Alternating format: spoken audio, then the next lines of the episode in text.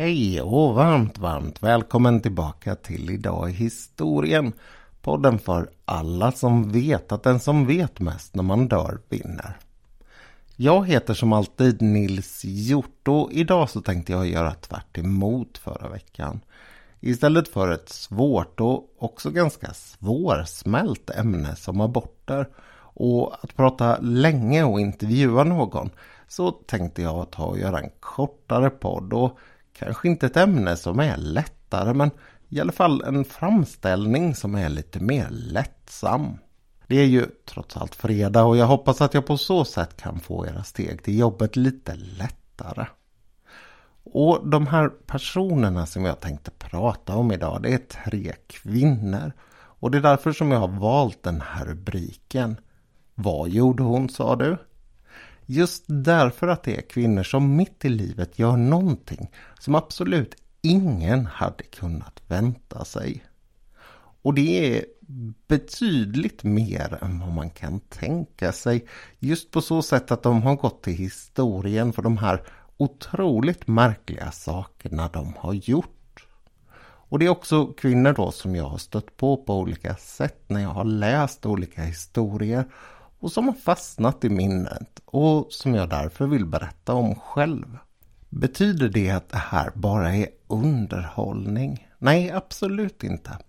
Därför att det finns alltid någonting att lära av historien och det finns alltid, ska vi säga, tecken på hur man levde förr och vad man kunde och inte kunde ta sig för. Jag ska gå lite mer in på det där alldeles strax. Men först ska jag presentera en kvinna som har en lite särskild plats i mitt hjärta. Några av er känner säkert till att jag 2019 tillsammans med den fantastiska illustratören Maria Persson ifrån Umeå, hon som har kontot Dagens Dam, släppte en bok med olika kvinnobiografier. I den här boken bestämde vi väldigt tidigt skulle det finnas alla sorters kvinnor. Det är egentligen den bilden, menar vi, som är den viktigaste att visa av kvinnor ur historien. Att det har funnits alla sorter. Goda, onda, galningar. Ehm, de som är med kanske inte de här riktigt lugna och sansade men hjältinnor och elakingar och allting slängde vi in där bland de 75 historierna och Marias fantastiska bilder.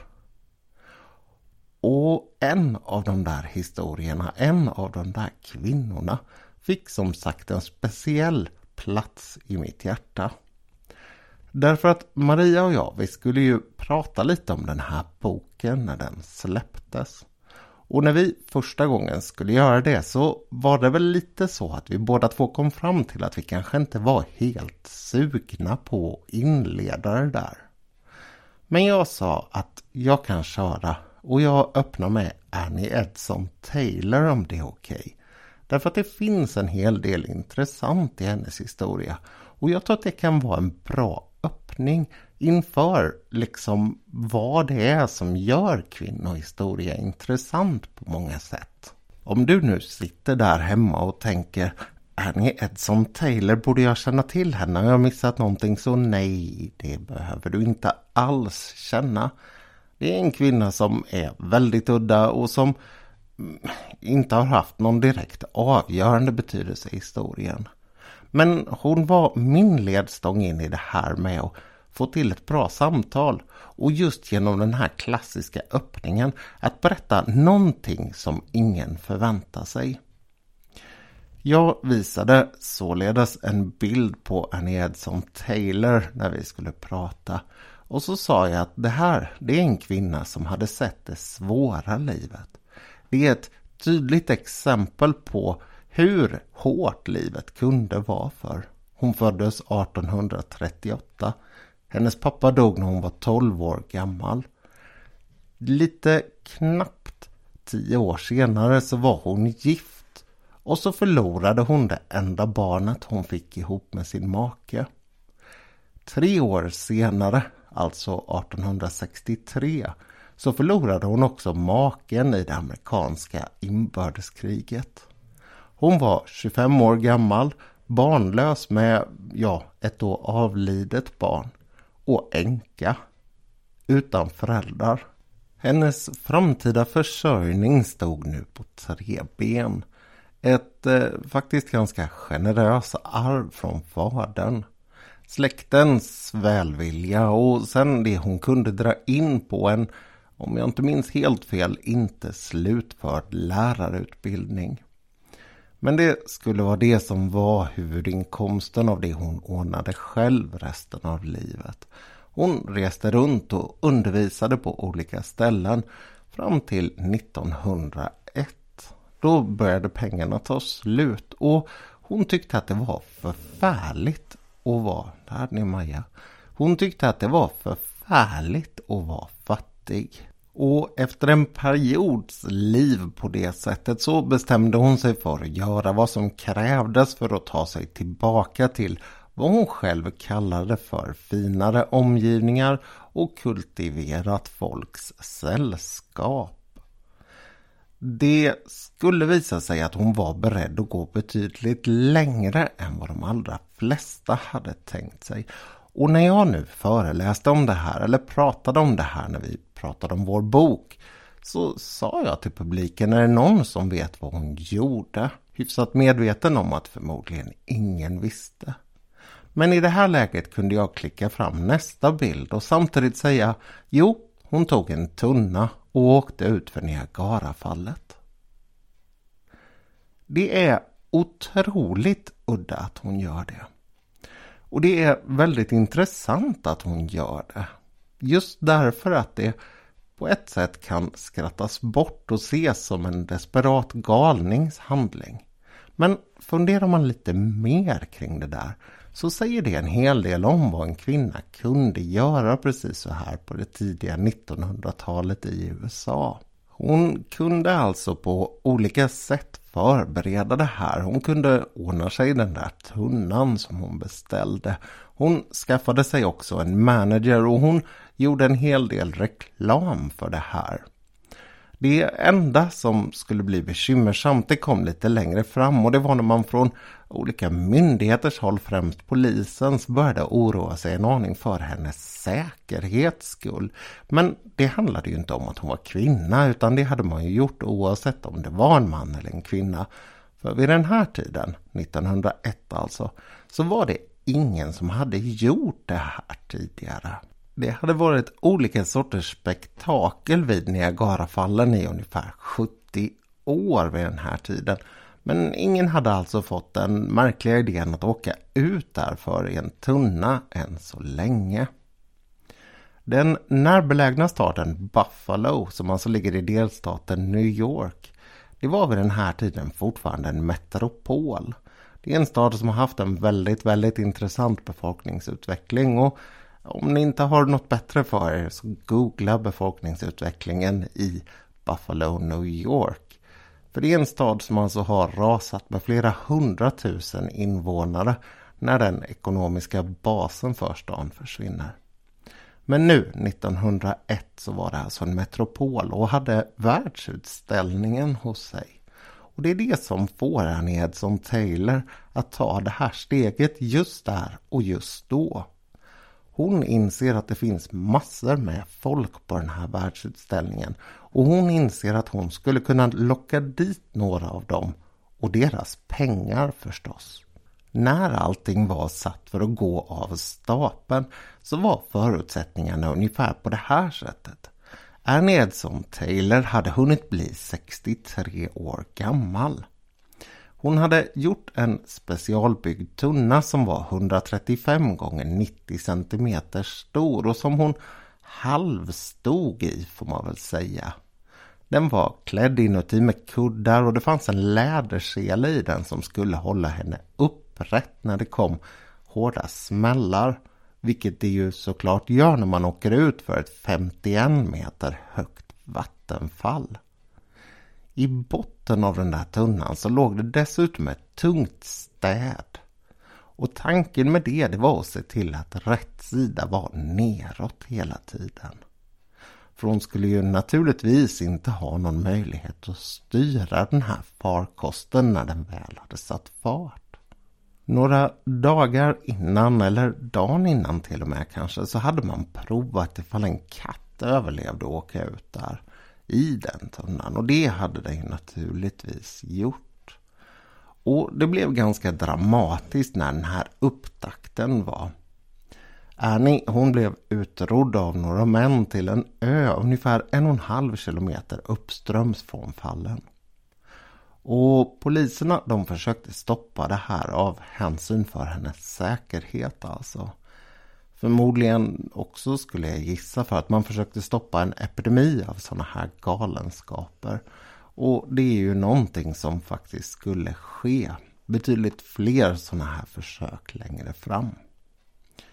Annie hon puttades sen iväg när man hade förslutit tunnan och det gick ganska sakta först. Publiken såg den där tunnan komma guppande och sen gick det fortare och det gick fortare. Och så kom den fram till kanten och trillade ner och försvann. Och det var nog många som höll andan den där minuten som man inte såg till tunnan. Sen hoppade den upp igen och en båt var snabbt framme för att kika ner och se hur det var med kvinnan där inne. Jo då, Annie Edson Taylor, hon överlevde. Hon slogs medvetslös i det där fallet och hon kom ut rejält blodig med ett hack i huvudet.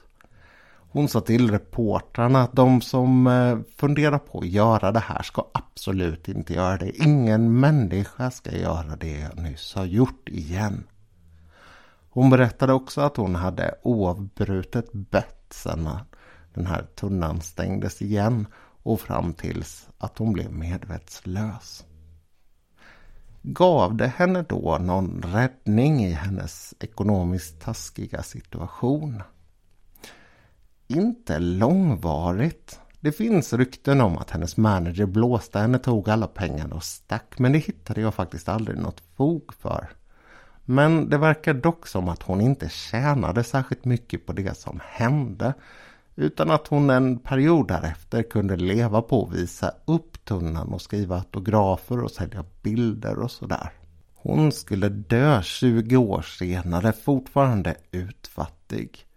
Men hennes minne är bevarat så tillvida att hon faktiskt fick en väldigt fin begravningsplats precis bredvid Niagarafallen på en kyrkogård där. Ihop med andra människor som har spelat en speciell roll i fallens historia. Och som jag sa så finns det många människor som har provat många olika saker för att ta sig ut där och skapa någon form av uppmärksamhet kring det. Antingen för att tjäna pengar själv eller för att göra det till en god saks nytta. Och till skillnad från Annie så är det inte alla som har överlevt. Nästa kvinna som jag skulle vilja berätta om som gjorde något sånt här oväntat mitt i livet är en brittiska. Hon hette Mary Kingsley och hon föddes 1862, alltså ett år innan Annie Edson Taylor blev änka. Hon växte upp i ett ganska udda hushåll. Hennes pappa var en ganska skicklig dotter, doktor som tillhörde det övre samhällsskiktet. Han reste ofta iväg på långa resor ihop med sina patienter olika upptäcktsresanden och handlanden. Och då lämnade han familjen hemma i månader i sträck att klara sig själva. Vilket var svårt på grund av den märkliga sammansättning familjen hade. Det var nämligen så att han hade råkat göra sin kock gravid.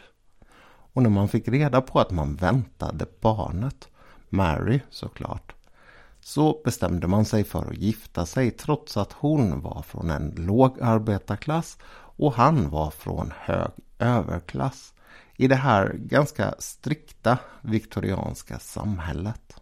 För hela familjen så ledde det här till bekymmer. Därför att Marys mamma hade oerhört svårt att justera in sig i det här sammanhanget. Hon kunde aldrig riktigt umgås med makens vänner och hon kände sig oerhört obekväm i sällskap där han trivdes.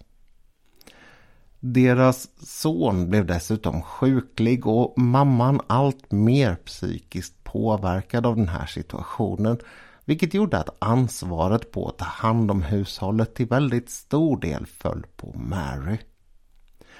Det var ett hårt arbete och hennes enda sätt att hitta någon form av andrum det var att gå in på pappans kontor och läsa i alla böckerna han hade samlat där inne. Böcker om medicin och böcker om upptäcktsresande. Hon älskade att drömma sig bort i de där böckerna. Och sen kallade verkligheten och så var det tillbaka till underhållandet eller stöttandet av resten av familjen. Mamman hon blev bara sjukare och sjukare och hon fick hysteriska nervösa utbrott och ett av dem gjorde att hon faktiskt blev förlamad. Och efter det så lämnade Mary i princip aldrig hemmet. Inte för att hon hade varit utanför särskilt mycket tidigare. Längre fram sen så avlider båda hennes föräldrar väldigt tätt 1892. Och Mary är då alltså 30 år gammal med ett arv som är tillräckligt för att göra hennes liv bekvämt. Och det hon nu gör, det är någonting som chockerar hennes omgivning. Därför det hon helst av allt har läst om när hon har suttit där inne på sin pappas kontor, det är Västafrika. Någonting som vid den här tiden såg som, ska vi säga helvetet på jorden.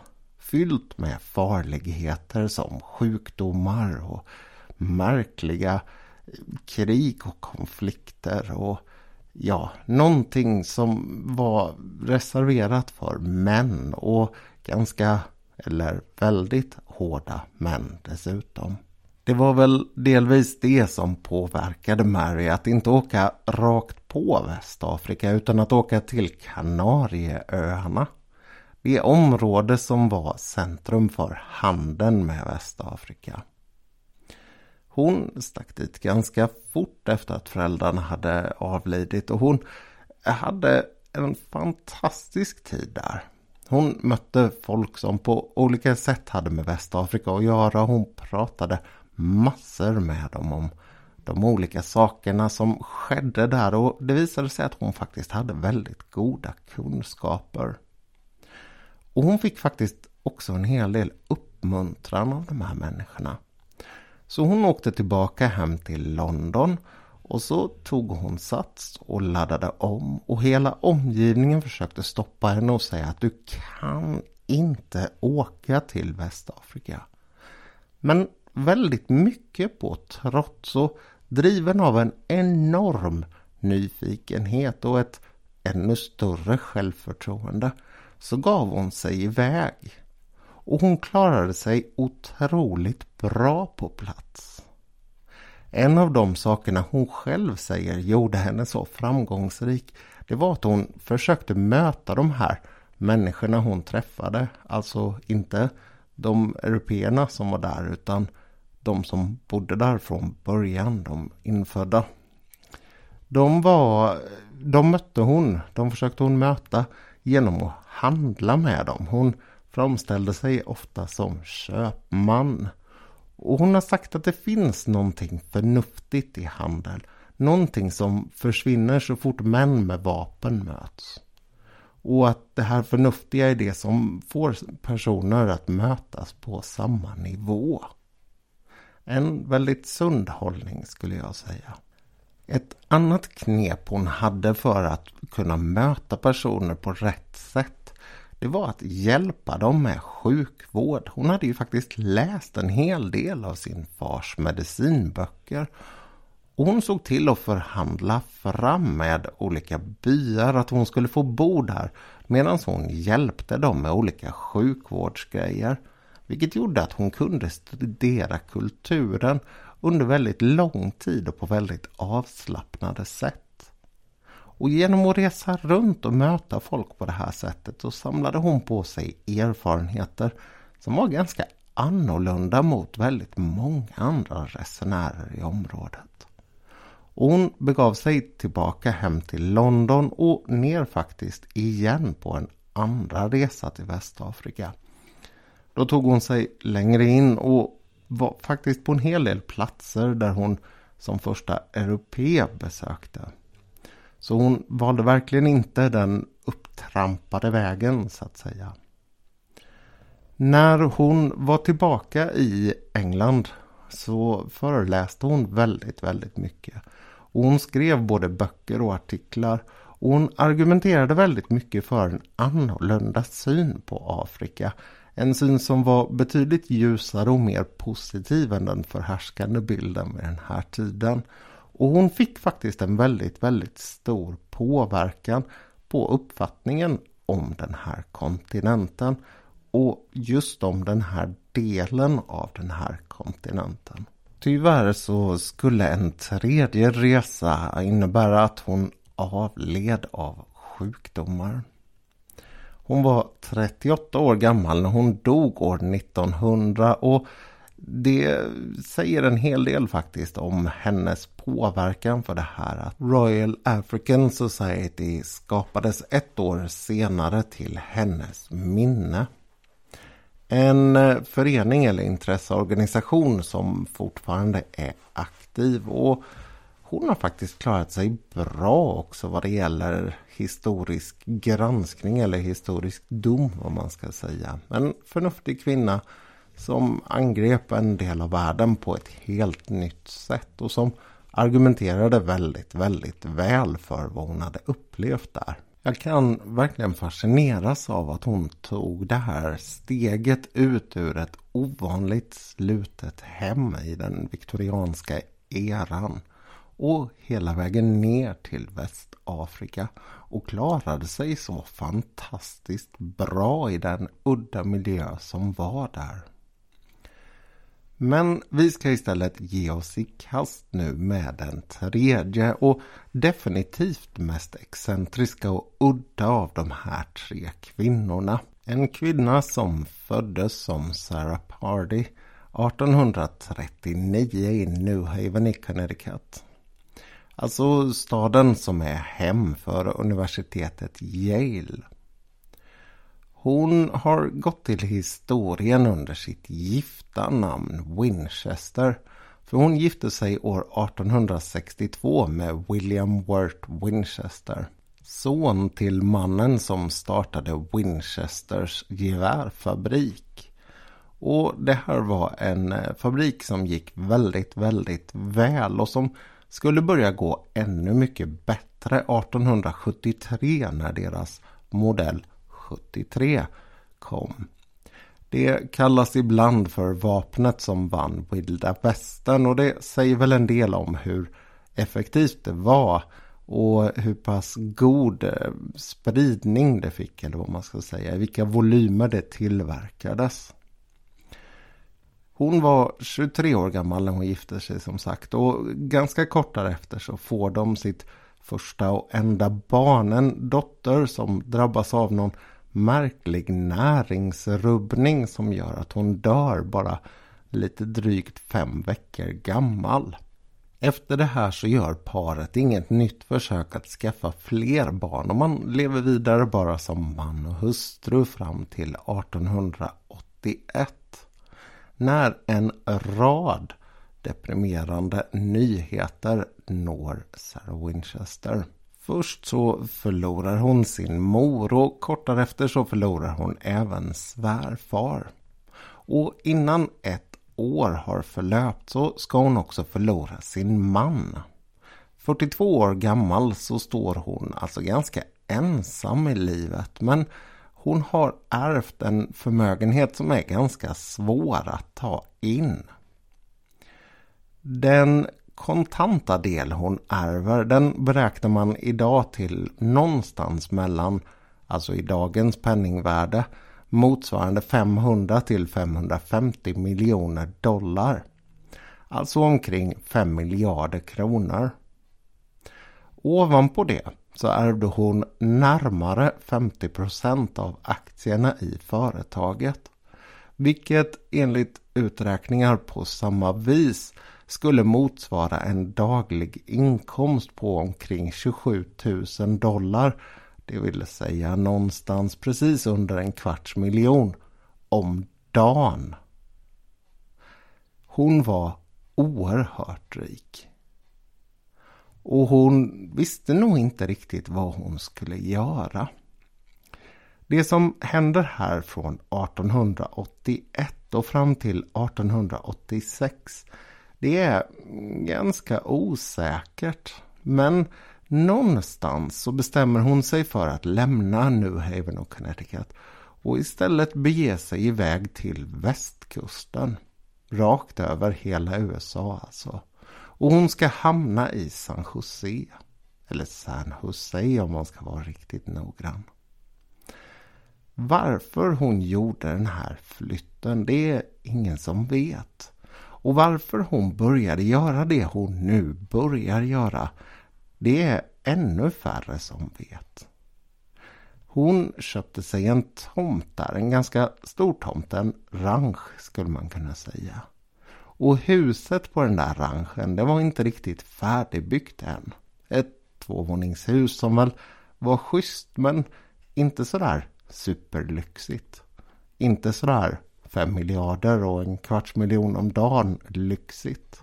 Standardhistorien, det som brukar tas upp här nu, det är att Sarah Winchester börjar bygga på det där huset och att hon gör det oavbrutet därifrån och fram till sin död 36 år senare, 1922. Och med oavbrutet så menar man då dygnet runt, året runt. Med ett stort antal snickare hela tiden. Låter det märkligt? Jag lovar er, huset är ännu märkligare. Men det finns folk som har kollat på det där och det verkar inte stämma riktigt. För det hände i perioder att hon lämnade alla snickare arbetslösa och sa att hon behövde en period av lugn och vila själv. Alldeles oavsett så byggdes det något fruktansvärt på den här villan.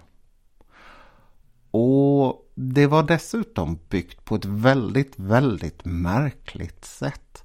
Därför att hon undvek att använda sig av arkitekter och hon drog upp alla riktlinjer för hur saker och ting skulle byggas alldeles själv. Och emellanåt verkade det som att hon bara gjorde det sådär vid ett morgonmöte ungefär som att ja, vi måste komma igång nu om ni gör det här. Därför att det här huset, det här enorma huset, det som finns kvar av det ska jag säga, därför att det tog en del stryk i jordbävningen 1906. Men det är fortfarande jättestort, tro mig, jag ska komma till det där strax. Men det som finns kvar av det, det är så här korridorer som bara slutar. Trappor som går rakt upp i taket och sen bara tar stopp. Väldigt mycket är alltså byggt på ett sätt som helt och hållet saknar förnuft och som verkar som att man bara ville bygga. Och det där det startade en mytologisering kring henne och kring huset. Och myten som byggdes upp oavsett om den stämmer eller ej. Den handlade om att hon skulle ha varit i Boston när hon fortfarande bodde i New Haven. Och att hon då skulle ha blivit tillsagd att för att hon skulle få frid så var hon tvungen att börja bygga ett hus ett hus som man hela, hela tiden skulle bygga på. Därför att hennes makes vapen, de hade dödat folk. Och de fortsatte döda folk. Och de här själarna behövde någonstans att ta vägen. Det är alltså oklart om den här historien stämmer. Och det finns ingen som kan säga att hon faktiskt hade gjort det eller började bygga av just den här anledningen. Men någonting får henne där i mitten av 1880-talet att dra rakt över USA, ta en ganska försvarlig del av sin stora förmögenhet och börja bygga ett hus som helt och hållet saknar förnuft. Idag så är huset på 160 rum med 40 sovrum, 13 badrum. Jag tror att det dessutom då finns ett antal så här rum med väldigt moderna lösningar. Bland annat så hade hon gasljus som man tände med knapp. Ett väldigt ovanligt sätt att tända gas och ett ganska ovanligt sätt att lysa upp på eh, om man inte var ganska rik. Dessutom så fanns det tre hissar och det fanns någon form av centralvärme som var väldigt avancerad. Men det märkliga är att väldigt mycket av det där var heller aldrig inkopplat. Så hon köpte väldigt, väldigt dyra saker. Och sen så användes de inte riktigt. Och hon var väldigt specifik med hur det skulle byggas. Bland annat så skulle allting byggas i redwood-trä, alltså sån här jättegranar. Men hon tyckte att det träet var väldigt fult. Och därför var man tvungen att antingen måla över det eller sätta panel på det. Och hon satte in enorma vackra glasfönster, sådana här blyinfattade med mosaik på. Det var inte heller vem som helst som fick göra dem där. Inne i huset så finns det ett stort, stort fönster som är gjort av Tiffany's. Och det här fönstret har i mitten ett prisma som gör att om ljuset träffade, eller när ljuset träffade solljuset, så skapar det en regnbåge ut över hela rummet. Men det är insatt i ett rum som det aldrig kommer in något solljus i. Så hela effekten är helt bortkastad. På samma sätt är det med väldigt många andra rum, bland annat en balsal som påbörjades och aldrig avslutades. Med dyra fina parkettgolv och intarsia i väggar och sådär. Märkligt är också att hon flyttade därifrån 1910. Hon hade köpt sig, eh, eller förlåt, hon hade haft inneboende sin systerdotter. Hon hade köpt systern och hennes man ett hus. Och så bodde systerdottern då hos henne i 15 år. Men när hon gifte sig och flyttade ut så flyttade hon vidare själv, Sarah. För att komma närmare sin syster och systerdotter och deras familjer. Och sen flyttade hon fram och tillbaka mellan det här Winchester House som det kallas idag. Det var inte hennes namn på det.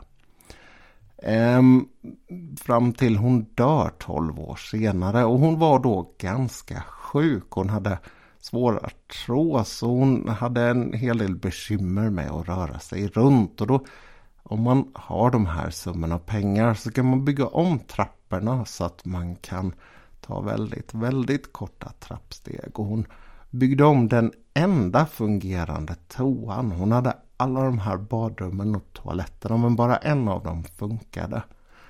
Eh, hon byggde om den så att man skulle kunna hålla koll på att ingenting hände henne när hon var där inne. Något av det som kanske gjorde att det började byggas upp en sån här mytologi kring henne det var förmodligen en hel del rykten som spreds från de här byggarbetarna och det faktum att hon ville ha en hel del saker på ganska udda sätt.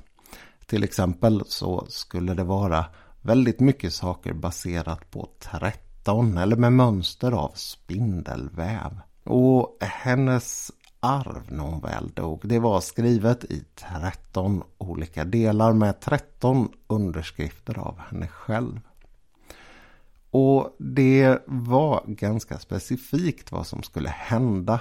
Båda de här husen som hon hade bott i de eh, skulle, vad heter det, inventarierna gå till systerdottern. Det enda som inte var helt reglerat det var vad som skulle hända med huset och det slutade därför med att man sålde det på auktion.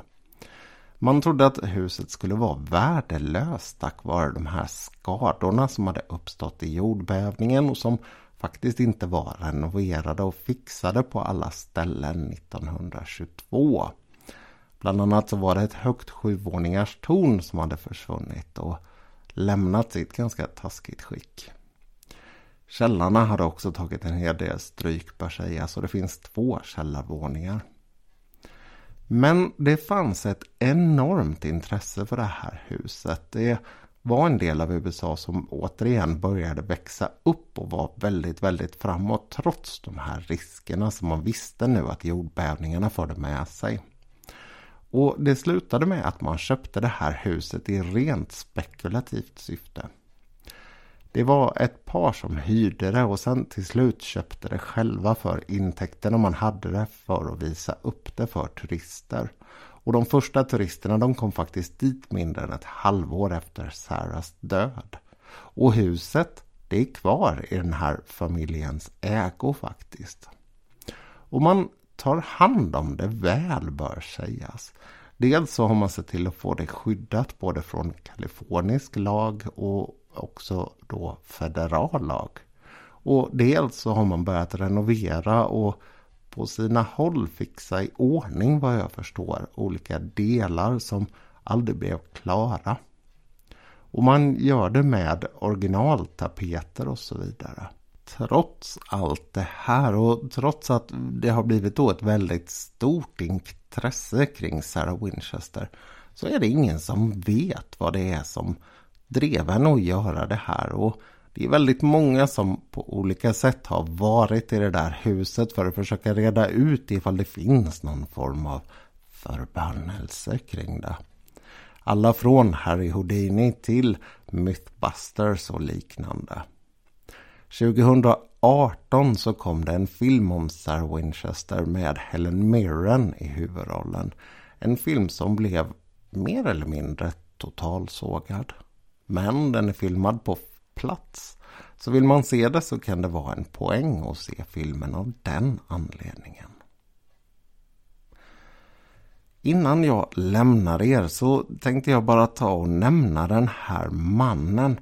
Mannen som fick mig att få idén att ta upp lite sådär personer som har gjort udda saker i historier.